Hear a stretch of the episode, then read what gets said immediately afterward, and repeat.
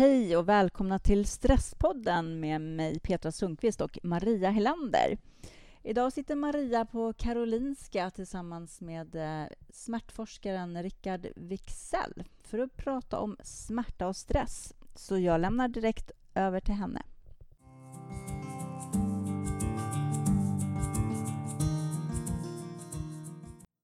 När vi möter människor med långvarig stress hör vi nästan alltid talas om smärta i olika former.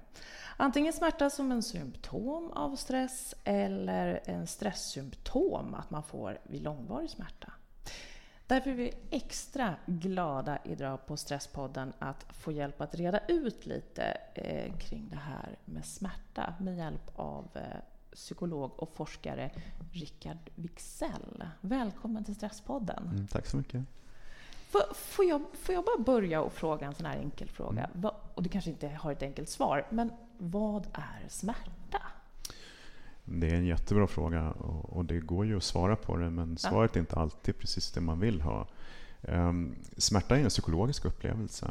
Um, man kan skada sig, man kan sparka tån i en tröskel, mm. men det vi menar med smärta är egentligen den reaktionen som uppstår när den där signalen vandrar från den där ömma tån upp till hjärnan. Och där har det blandats med massa andra saker som föreställningar om vad smärtan betyder, tidigare erfarenheter av att göra illa sig, så oro och rädsla och sådana saker. Så det är den komplexa psykologiska upplevelsen som vi kallar för smärta. Så om, om någon slår mig med en hammare eh, så är det inte säkert att jag kommer uppleva den smärtan på samma sätt som om någon slår dig med en hammare? Nej, det är högst subjektivt. Och det har helt enkelt att göra med eh, sammanhanget och eh, individen i sammanhanget. Och mm. sambandet mellan sammanhanget och individen. Så det är någonting som eh, vi ofta trycker på, att smärta är en subjektiv upplevelse. Det är någonting som är väldigt unikt för den personen. Och man kan faktiskt inte mäta smärta på något annat sätt än att man frågar personen hur ont det gör och hur det känns. Så det går inte att ta något blodprov eller Nej. mäta hjärnvågor eller någonting sånt för att Nej. Nej, det kan man inte. Utan man kan ju, man kan ju mäta hjärnvågor och då har mm. man fått ett svar på hur hjärnvågorna ser ut. Mm. Men man har inte fått ett svar på hur smärtan upplevs. Mm. Så det är faktiskt så att det är en psykologisk upplevelse. Mm. Men, men om vi, du och jag, vi pratade ju lite grann innan vi kom igång här och mm. podda och då så sökte jag ju lite grann om det man kan se ett samband med att mm. man faktiskt kan få ont i kroppen om man har varit stressad väldigt länge. För det är många mm. som påstår det. Mm. Men du är inte riktigt eh, med där på det tåget. Jag tror att det, man måste vara noggrann med hur man pratar om det. För det är väldigt lätt att man eh, eh beskriver på ett sånt, sånt, sätt så att man snarare gör folk livrädda för stress. Att man mm. skapar liksom någon sorts stressfobi. Det finns inga enkla samband mellan stress och smärta. Eh, däremot så är det ju som så att om man känner sig stressad så är det förmodligen någonting i sammanhanget som inte riktigt är som man vill att det ska vara. Man är disharmonisk av någon anledning. Och beroende på hur man hanterar det så kan ju naturligtvis problemen bestå eh, eller hanteras på ett konstruktivt sätt som man mår bra av. Och har man lite tur så kan man få ordning på det här och sen så går man vidare i livet och mår bättre. Men för vissa människor så är det här väldigt svårt. Det är något väldigt eh, allvarsamt man drabbats av. Mm. Man kan inte påverka det fullt ut. Man kan eh, kanske hamna i sådana svårigheter där, där den egna förmågan inte riktigt räcker till. Och, och får man då den typen av svårigheter som består under lång tid, då är det klart att man inte mår bra i det. Nej. Och det går att beskriva. Det här att, att inte må bra går att beskriva på många olika sätt. Och människor använder olika termer för olika saker. Ja. Och det, det, här får man ju lyssna med, med, med noggrannhet på den som beskriver sin situation. Mm. Och för vissa så kanske det ligger nära till hands att beskriva det på ett sätt och för andra så ligger det nära till hands att beskriva det på ett annat sätt. Men de här orden vi använder som ångest och stress och nedstämdhet och smärta också det är ju termer vi använder och det, det är mm. viktigt att gå bortanför de termerna för att förstå vad det är personen upplever som påfrestande. Mm. Mm. Helt klart så är det ju så att de patienterna som kommer till vår eh, klinik de har ju en komplex upplevelse. Det, det, är ju aldrig så att de bara har ont. Utan de, de, är trötta, de är ledsna, de är oroliga, de känner sig stressade mm. och säkert många andra saker också. Så då, det är oftast att du ser det, att har man en långvarig smärta så, mm. så, så, upplever man stresssymptom. Det vill säga man kan bli nedstämd eller man kan få mm. eh, Ja, mm. Beroende på vad du lägger i, i, i termen ja. stresssymptom. Då. Men ja. de som kommer till oss de, de, beskriver ju ofta att de mår dåligt på många olika ja. sätt. Och, och, stress är en av de termerna som ofta används. Men trötthet, och nedstämdhet, och ångest, och oro och sorg Svår, andra. Svårt att fokusera. Svårt att fokusera är också en sån mm. sak. Som, mm. mm. Okay. Mm. Men, men det finns inte sånt, ni har inte gjort något sånt att man har, ni har mätt kortisolet eller någonting sånt i, i kroppen? Alltså stressskyddshormonet när man har, har väldigt stark smärta? Du känner inte till någonting? Ja, vi har inte gjort några, några kortisolstudier, det har vi inte gjort. Um, det, det, det, finns ju en del svårigheter med att titta på mm. sådana här biomarkörer. De är inte alltid så, så exakta mått på det som vi vill mäta som vi hoppas på. Det vi har gjort på senare tid är att titta på eh, proinflammatoriska cytokiner i blodprov. Där vi har, vad är det? Ja, det, det är eh, ja, hur ska jag beskriva det? Det är en biomarkör som, som hjälper oss att förstå eh, eh, påfrestningen på kroppen kan vi säga. Aha, ehm, okay. Och eh, det vi misstänker är att när, när kroppen reagerar um, på ett sånt sätt så att de här proinflammatoriska cytokinerna liksom aktiveras på ett mm. sånt sätt. Då, så, att, eh, så kan man uppleva en sjukdomskänsla. Och eh, den här sjukdomskänslan kan ju då eh, göra att man, man mår helt enkelt inte bra. Mm. Och är det så att man är sjuk, man, man får feber exempelvis, då är ju den här typen av reaktioner eh, bra därför att de ger upphov till beteenden som handlar om att konservera energin, ta det försiktigt ja, så att man kan återhämta sig. Mm. Men systemet kan hänga sig också så att man kan få den här typen av reaktioner också när man inte har den här infektionen eller febern stiger. Mm. Och den här låggradiga inflammationen som vi då um, misstänker skulle kunna vara uh, intressant att, att, att mm. studera därför att det skulle kunna hjälpa oss att förstå den här extra påfrestningen som vissa människor lever med så utöver att de har en långvarig smärta så kanske de då också har eh, en, den här sjukdomskänslan. Och det är någonting som en del av våra patienter beskriver. Mm. Så det här är vi väldigt nyfikna på. Och då, det är klart att man kan kalla det för en sorts stressreaktion, en kroppslig stressreaktion. Mm. Så det, det, hela tiden beror det på man, hur man definierar stress. Ja, det. Men det som är intressant här är att vi, vi vet att det systemet då eh, kan påverkas också av att att man eh, pressar kroppen exempelvis om man sover väldigt dåligt eller sover väldigt lite under en period. Ah. När vi sömndepriverar personer i laboratoriemiljöer så, så, så liksom de får inte sova helt enkelt. Åh gud vilken hemsk undersökning. Ja, precis. Jo men sömn, sömn, sömnforskare de ägnar sig åt sådana där saker. um, mm. Och då lär vi oss helt mycket hur, om hur kroppen reagerar. Och då kan man också se den här eh, ökningen utav de här inflammatoriska cytokinerna. Och det, det, vi har gjort nu och det vi gör i en, en studie som pågår just nu det är att titta på eh, cytokiner genom att ta blod från patienterna. Som har smärta? Som har smärta och genomgår mm. den här behandlingen som vi ja. jobbar med. Mm. Och Det vi har sett i den första eh, preliminära eh, studien vi gjorde var att de som har en förhöjd nivå av proinflammatoriska cytokiner mm. eh, de förefaller ha lite svårare att ta till sig den här behandlingen. Och det är någonting som är väldigt spännande därför att det kan hjälpa oss att förstå eh, vilken grupp av individer som vi kanske måste stötta lite extra mm. för att de ska kunna på ett bra sätt ta till sig det här. Okay. Men det, här är liksom, det här är forskning som är i sin linda där vi ja. behöver göra mer studier. Men mm. vi, vi tittar på det med de glasögonen för att lära oss mer om kroppens reaktioner och hur det kan påverka förmågan att göra beteendeförändringar som ju faktiskt allting i slutändan handlar om när det gäller att tackla ett liv med långvarig smärta. Oh, för, du, för nu, du, du, du nämner din behandling, mm. säger du. Och nu, kan, kan, du inte berätta lite mm. mer om vad, vad är, vad är mm. din behandling?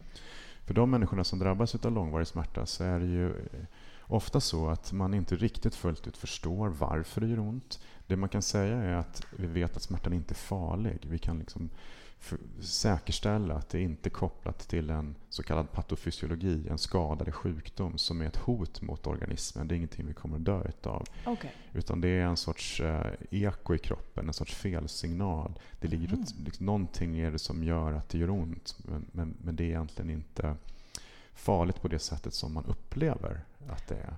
Det, det känns på samma sätt som den mm. farliga smärtan. Mm. Och de människorna eh, har vi också väldigt svårt att hjälpa um, att bli av med smärtan. Vi okay. har inga bra redskap att ta bort smärtan. Nej. Utan det handlar egentligen om att lära sig att hantera smärtan på ett effektivt sätt. Mm. Många har ju då fått höra att ja, du får lära dig leva med smärtan. Och, mm. och, och, det jäkliga är att det kanske är sant. Sen kan man säga det på många olika sätt. Och Många har fått höra det på ett sätt som är invaliderande eller direkt förolämpande. Men ah. budskapet i sig kanske faktiskt har ett visst sanningsvärde. Och Det kanske egentligen står för att sjukvården inte har några bra redskap att ta bort den här typen av långvarig, svårförklarad och mm. eh, behandlingsresistent smärta.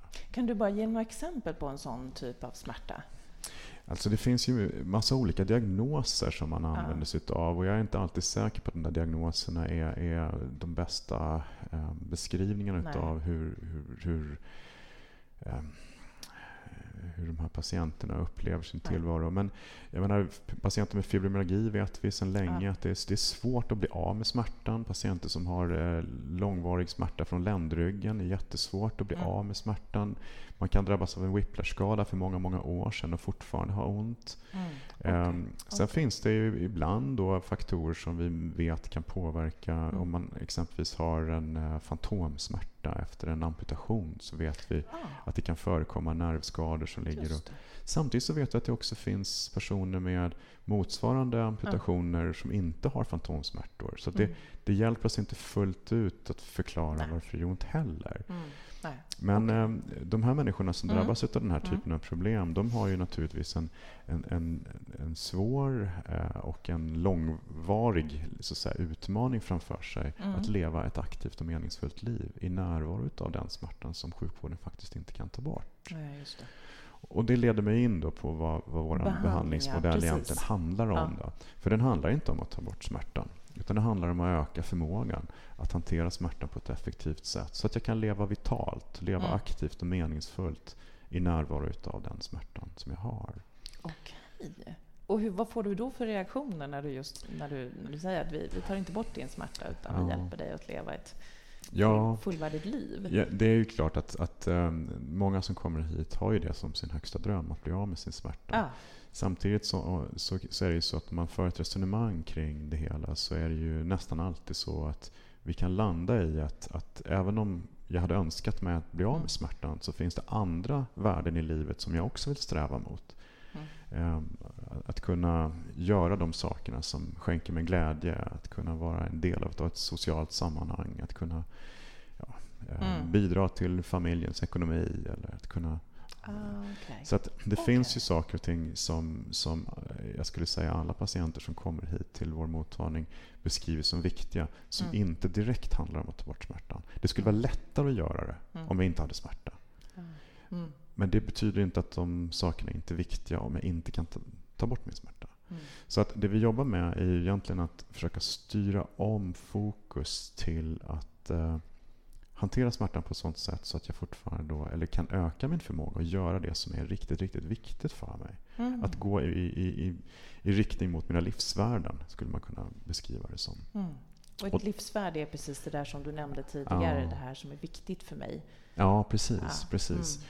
Ett livsvärde definierar vi egentligen som någonting som är liksom viktigt över tid. Det är, liksom, det är liksom bestående viktigt. Eller det är inte ett mål eller så, utan att det är någonting som jag... Ja, vi, vi använder ibland liknelsen kompassriktning, kompasskurs. Mm. Att det, det liksom, jag, kan gå, jag kan gå, vad ska vi dra till med då, västerut eh, hur länge som helst. På, på, vägen västerut så passerar jag olika destinationer som då skulle kunna beskrivas som mål. Mm.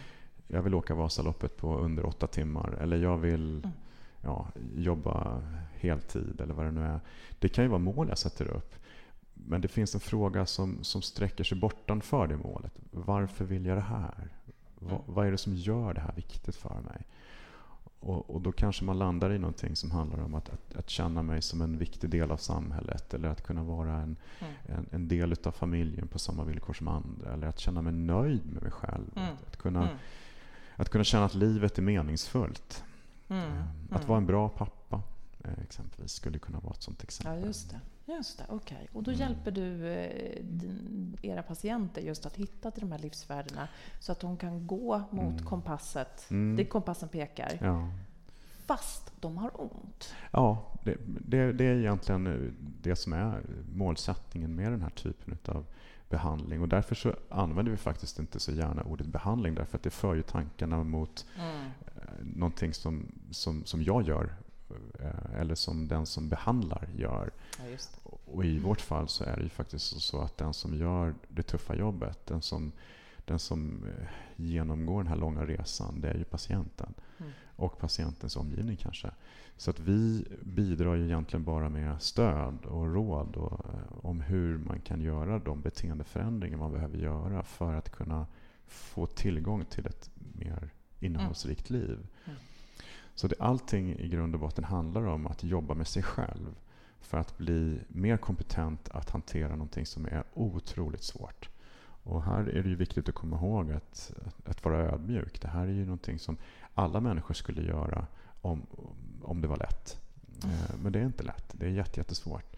Och där kan vi ibland se möjligheten att hjälpa människor att ta steg i riktning mot sina värden.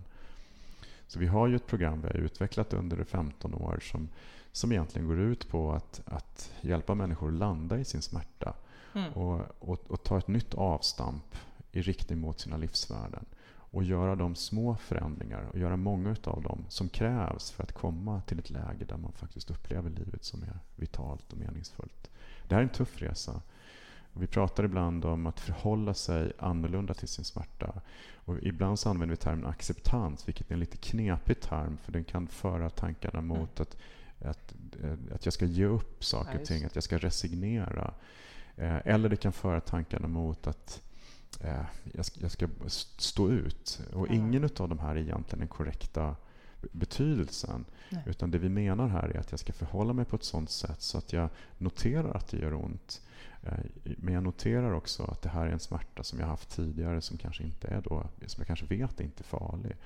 Och att jag fattar ett aktivt beslut i stunden i vilken riktning jag ska gå, vilken riktning mina fötter ska gå. Mm. Om jag ska låta smärtan styra mitt beteende eller om jag ska välja att sätta mig över smärtan just i den eh, stunden för att kunna gå mot de värdena som jag känner är viktiga. För ofta så är det ju så att jag måste, jag måste liksom välja. Om jag, Mm.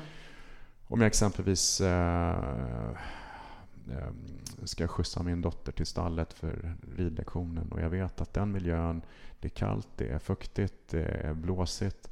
Det är precis den miljön som, som jag vill undvika för att Mm. minimera risken att smärtan ökar. Då kan jag kanske inte få både och. Jag kanske inte både kan spela säkert och minimera risken för ökad smärta och vara den där pappan som jag vill vara. Jag hamnar liksom i ett omöjligt läge. Ja. Eh, och här är det ju så att, att eh, vi människor vi reagerar ju ofta instinktivt. Och vi reagerar ofta på ett sådant sätt att vi styr mot det säkra. Vi styr mot det som innebär så lite obehag som möjligt. Mm. Och, och, och det lömska det är att det ofta funkar för stunden. Mm. Det, det ger en sorts trygghet. Det ger mindre smärta. Det ger mindre stress därför att jag behöver inte oroa mig över hur jag ska må dagen efter. Nej. Eller jag behöver inte oroa mig för att jag ska utsätta mig för en situation där smärtan ökar och det ska bidra till att jag blir grinig och börjar bete mig på ett otrevligt sätt mot Ja. min omgivning. Så människor spelar säkert och det gör vi allihopa. Mm. Men det kan leda till en försiktighet i Mm. olika sammanhang Mm. som är förståelig men som kan faktiskt vara ett problem. Mm. De här, den här typen av undvikande utav risker, eh, den, den typen av beteenden ser vi hur, hur, att det skapar onda cirklar. Där jag börjar liksom använda den typen Mm. av strategier i fler och fler situationer. Mm. Så de här onda cirklarna leder ju då på sätt och vis till en sorts nedåtgående spiral där mitt liv blir mer och mer begränsat. Mm. Och när jag då befinner mig i den här spiralen så Mm. kanske jag inte jag både kan undvika smärtan och Nej. Sträva mot ett aktivt och meningsfullt liv samtidigt. Så Mm. att ä- acceptans är en term vi använder för att prata om hur jag kan förhålla mig till smärtan i stunden för att kunna röra mig uppåt i spiralen mot ett mer aktivt och innehållsrikt liv. I Mm. närvaro utav smärta och oro och stress och Mm. vad det nu är för obehagsupplevelser jag har i, i mig just då. Okej, okej. Just det. All right. Och syftet är inte att bli av med smärtan. Syftet är egentligen inte ens att bli av med stressreaktionen utan syftet är att, få ett större liv. För egentligen så skulle man kunna översätta det som du säger, gör här. Du, nu gör du ju Mm. en... Eh, du säger smärta, men du kan också säga stressreaktion. Mm. Mm. Och då kan vi även tänka ångest, eller vi Ja. kan tänka Mm. andra möjliga olika saker som hindrar mig från Ja, precis. det. Precis, och det, det är egentligen precis som du säger. Vi, Mm. vi, eh, och det, det, det kanske låter konstigt men jag har egentligen aldrig varit särskilt intresserad av smärta. Jag, Ja, det låter lite konstigt. jag, har varit in, ja, jag, jag menar efter 17 år i smärtforskningsbranschen så, så, är, så är mitt fokus egentligen de eh, människor som drabbas av saker som de har svårt att hantera på ett, eh, på ett bra sätt. Mm. Och den resan de gör och behöver göra för att hitta tillbaka till det livet som de en gång hade. Och det kommer aldrig vara exakt samma, men hitta tillbaka till ett nytt liv som är aktivt, meningsfullt, innehållsrikt, vitalt. Mm. Så att egentligen så har mitt forskningsfokus handlat om eh, människors egen förmåga att hantera sina problem. Mm. Och, och de beteendeförändringar som man måste göra, men också kan göra Mm. för att få tillvaron att bli bättre. Mm. Vi har mycket större möjligheter att påverka vår situation än vad vi ibland eh, tänker att vi har. Mm. Okej. När, när vi drabbas av de här sakerna så, så, så blir vi ofta begränsade i, i, i vår liksom, kreativitet och vi blir begränsade i vår tilltro till vår förmåga att göra förändringar och klara av utmaningar. Och det är här vi kan hjälpa våra patienter, hjälpa dem att lyfta blicken och hjälpa dem att förstå sin möjlighet att faktiskt påverka. Och det är inte säkert att man kan göra allting på en gång. Mm. Eh, Man kan inte gå från en dag till en annan och från att sitta i soffan till att springa ett maraton heller. Ska man springa ett maraton så kanske man ska anmäla sig till ett lopp som går om två år och så får man bygga upp det här långsamt. Mm. Ehm, Mm. Men tar man många små steg så kanske man faktiskt har möjlighet att flytta fram positionerna och komma till ett läge som man aldrig någonsin trodde att man skulle komma till. Men, men du, du menar alltså att, att det här är möjligt? För jag tänker det, det är ju många människor som inom vården eh, möter just både läkare, och psykiatriker eller psykologer som säger just att det här att nej men, nej men den här ångesten får du leva med eller den, Mm. den här smärtan får du leva med. Och nu, Mm. nu gäller det att du istället vilar så mycket som möjligt och tar det lugnt. Och, Mm. Ja, ärligt talat bekymrar det mig. Mm. Ehm, sjukvården har ibland en tendens att styra in folk i ett undvikande beteende som är direkt Ja. skadligt över tid. Mm. Eh, Så det här oroar mig lite grann. Vi har skapat stressfobiker i det här landet och andra länder också. Vi har skapat folk som är fobiskt rädda för ångest, som är Mm. fobiskt rädda för smärta. Eh, Jag tror att en av sjukvårdens stora utmaningar det är att faktiskt lyckas kommunicera till, till eh, ja, hela samhället att det finns smärta som vi faktiskt inte kan ta bort. Och det är inte säkert att den är farlig, men vi kan inte ta bort den. Och utmaningen måste då handla om att vi ska tackla den på ett mer effektivt sätt. Och då behöver vi tackla den på ett sätt som innebär att vi fortsätter att göra det som är viktigt i livet. Mm. Även i närvaro av den här smärtan. Så att vi fortsätter med de aktiviteter som skapar lycka och hälsa, för att, för att göra det enkelt. Mm. Så Mm. vi har ju en möjlighet här att hjälpa människor att, att sätta dem på spåret så att de kan bygga sin egen lycka över tid. Det är inte säkert att det kommer innebära att det kommer vara harmoniskt här och nu. Mm. Men om jag prioriterar de långsiktiga vinsterna före eh, hur jag mår precis just i stunden Mm. så kanske jag kan fatta beslut och, och utveckla ett beteendemönster som är mer så att säga, offensivt i den bemärkelsen att jag tar för mig av livet också när, det, också när det känns som om jag inte klarar det här. Mm. Så de tankar och känslor som är så starka, som påverkar oss, de, de styr oss inte alltid eh, rätt i den bemärkelsen, utan de styr oss kanske neråt i spiralen. Och då Mm. måste vi ju träna upp vår förmåga att sätta oss över dem. Och när jag då hör om, om de signaler som man ibland som patient får Mm. från sjukvården som snarare pekar neråt i spiralen så, så, så, så tycker jag att det är synd. Jag tror Mm. att vi, vi, vi hjälper inte människor på bästa sättet. eh, då. Nej, men verkligen inte. Men, men vad, vad, vad kan jag göra själv då i så fall? Ja, alltså det, det, man, man kan göra mycket. Man, man kan ju självklart behöva stöd i det. Och det är inte alla som varken vet eller känner att de orkar göra den här resan på egen hand. Mm. Ehm, eh, vi, vi har ju en, en verksamhet där vi träffar patienter i, i, i, i sedvanlig sjukvård. Och vi, ibland så träffas vi individuellt, ibland så kör vi grupper. Men vi har ju också sett att, och vi har naturligtvis kollegor i sjukvården som gör jättefina insatser också. Men det finns ju massor av människor som, som, som lever med långvarig smärta. Vi pratar om en av fem ungefär som lever med långvarig smärta. Och det säger sig ju självt att vi kan inte hjälpa alla dem samtidigt. Nej. Eh, Vi tror ju att många människor kan göra mycket själva.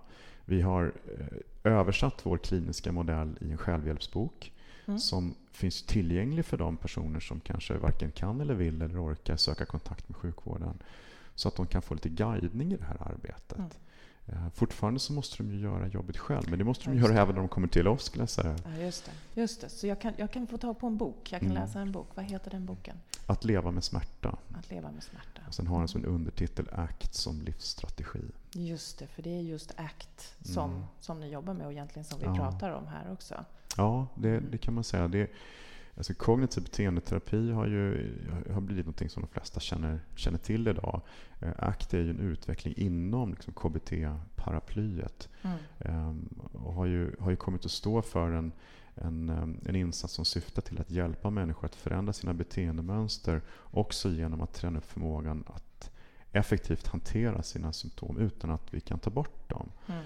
Och det är där termen acceptans då kommer in. Ja, det. Ehm, Mm. och det är väldigt intressant att se hur människor som genomgår den här behandlingen beskriver efteråt um, effekten utav den. Det är, det är relativt vanligt faktiskt att de säger att ehm, ja, men jag, har, jag har lika ont som tidigare Mm. men eh, jag lever ett fantastiskt liv Wow. och smärtan hindrar mig inte längre. Den finns där. Eh, Den, jag blir inte rädd för den på samma sätt som jag blev tidigare. Mm. Och ehm, jag låter den inte dominera, jag låter den inte styra eh, Mm. hur jag lever mitt liv i vardagen. Wow! Det är ju jätte... Jag skulle Mm. inte säga att du är smärtforskare, du är lyckoforskare. Ja, ja. Hjälper människor att Mm. hitta, som du sa, till hälsa och lycka. Ja, och det, jag tycker det är viktigt att poängtera att det finns, det finns, jag tror inte ett smack på mirakel. Jag har aldrig sett några sådana. Utan det vi ser det är hårt arbete. Och, Mm. och det är inte vi som gör det hårda arbetet utan det är patienten som gör den resan. Mm. Ett steg efter det andra. Eh, successivt strävar de upp i den här spiralen till Ja. ett liv som är aktivt och meningsfullt. Mm. I närvaro av en smärta och en stress och en nedstämdhet och en ångest som, som varken sjukvården eller någon annan kanske kan ta bort. Mm. Jag har ingenting emot eh, när saker och ting försvinner och om man skulle få mindre smärta i- under den här Mm. resan så är ingen gladare än jag. Ja, möjligtvis patienten själv då. Mm. Men vi beskriver inte att det är syftet därför att vi, vi, kan, vi kan inte kontrollera det. Vi vet inte om det uppstår. Vi kallar det ibland för en positiv bieffekt. Och likadant är det ju om, om rädslan skulle minska eller stresskänslan skulle minska. Det som är i vårt fokus det är hur jag lever mitt liv. Ja. Eh, Och det, det är det som vi strävar mot, att träna upp patientens förmåga att göra. Så är det någonting det första jag egentligen skulle behöva fundera kring då? Mm. Hur vill jag leva mitt liv? Mm. Fundera lite grann över vad smärtan har gjort med mitt liv. Mm. Ehm, Jag tror att det är ett ganska bra avstamp. Alla förstår och alla skriver under på att smärta är en obehaglig upplevelse. Ehm, Det jag måste fundera över det är hur den har påverkat mig och mitt liv. Och jag måste fatta ett beslut om hur den ska få påverka mitt liv i framtiden. Mm. Eh, För här, här finns utrymme för, för att fatta olika beslut och hantera smärtan på olika sätt. Mm. Ibland så kanske jag väljer att minimera smärtan eh, genom Mm. att inte ta risker. Men i andra sammanhang kanske jag väljer att faktiskt göra det som jag vill göra. Och jag tror att de flesta människor eh, har mer förmåga att påverka sin situation än vad de kanske tror att de har. Mm. Eh, man, känner sig inte, man känner sig inte så kompetent och kapabel. Eh, och därför så, så glömmer man bort vilken inneboende kraft som man faktiskt har. Mm. Ehm, så små steg, eh, kanske med guidning av någon i sjukvården eller exempelvis en bok, Mm. kan, kan underlätta den resan. Så det är vår, det är vår Mm. ambition. Mm. Och innan då jag, jag har, när jag kommit dit så kan jag ju använda då, för det finns de här övningarna finns i boken. Ja. Mm. Och, men de här sakerna också som du pratar om nu, att, Mm. att titta på vad är, vad är viktigt i Mm. mitt liv. Mm. Att fundera kring, är det smärtan som ska styra eller Mm. är det jag som ska styra? Ja. Eller smärtan, ångesten, stressen eller vad det vi väljer. Och, Sen tycker jag man som patient, när man drabbas av de här problemen, också ska ställa krav på sjukvården. Mhm. Eh, Mm. Man ska inte nöja sig med att få mediciner eller någon avslappningskurs eller någon eh, annan tveksam insats som, som kanske inte har tillräckligt bra vetenskapligt stöd. Utan man ska efterfråga de metoder som har gott empiriskt stöd. Och eh, det finns ju en bred uppfattning att kognitiv beteendeterapi är den vägen man ska gå för att kunna träna upp sin förmåga att hantera långvarig smärta. Nu håller vi på med en form av KBT som kallas för ACT. Men Mm. Mm. eh, jag tycker definitivt att man kan eh, kräva att få tillgång till eh, KBT-insatser om man drabbas av långvarig smärta. Det ska man göra, ja. Det tycker jag. mm. Mm. Okej. Och det, det handlar helt enkelt om att man som patient eh, har rätt att kräva eh, vård som är vetenskapligt utvärderad med goda effekter. Mm. Ja, just det. Precis. Och faktiskt också kunna känna att jag, jag kan göra någonting åt min situation. Ja. Jag kan få hjälp att göra någonting Ja. åt. Så att jag Mm. kan leva Mm. ett, det livet jag vill leva. Mm. Som är viktigt för mig. Mm. Och det är inte alltid säkert att, att eh, andra insatser är, är ex- eller meningslösa eller, eller inkompatibla, att de inte går att göra samtidigt. Det kanske är som så att jag står på vissa mediciner, men det kan jag kanske fortsätta att göra. Så får jag fundera över om det är rätt mediciner, om jag måste ha dem. eh, Sådär. Men, men även om jag gör det och tycker att jag inte vill göra den förändringen så kan jag fortfarande kräva och jag kan fortfarande ta del utav och jag kan fortfarande ha glädje av ett KBT-orienterat behandlingsprogram Mm. som tränar upp min förmåga att tackla de här utmaningarna på ett bra sätt. Mm. Ja, mm. ja, men det låter ju väldigt, väldigt, väldigt, väldigt hoppfullt. Och Ja, det- jag tycker att jag har Ja. sett många patienter genom åren som har fått eh, ett liv som de verkligen uppskattar. Mm. Eh, från att kanske inte någonsin ha trott så att, säga, att de skulle kunna göra de förändringarna själv. Eh, och inte ens vågade drömma om Mm. eh, att eh, komma till det läget som Mm. de står i efter att ha gjort den här resan. Och det är viktigt att poängtera att det är inte vi som gör jobbet, det är inte vi som gör resan. Mm. Det är patienten själv. Och jag har ju Mm. sett med egna ögon många, många gånger hur, hur det är möjligt. Så, så, men, men med ett mått tålamod eftersom det här kan vara en, en lång väg och att man behöver ta små steg istället för som man kanske gjorde tidigare, rusade på i livet. Så, Ja, och, Mm. och egentligen så kan man säga att man kan ta stora eller små steg. Det är lite grann upp till var och en skulle jag säga. Mm. Eftersom det inte är farligt att ta stora steg. Men, det, men man ska komma ihåg att det, det, det är inte ett 100 meters lopp. Livet är snarare ett ett maraton och man ska, man ska navigera klokt för att få det man vill ha också på lång sikt ja, och inte bara i stunden. Mm. Och då, då kräver det ju ibland ett visst tålamod som du säger. Det är Mm. helt, helt sant. Mm. Wow. Ja, jag får tacka dig så jättemycket Mm. för jag tycker att det låter väldigt spännande och hoppfullt det här. Mm. Och för alla Tack er som eh, är intresserade och då antingen att man kan köpa boken Att leva med smärta eller att gå in på er hemsida Att leva med smärta för att få lära sig mer om det här och om ACT eller er metod och liknande. Mm, jättespännande. Mm. Tack så jättemycket Rickard för att du var med. Ja, tack själv.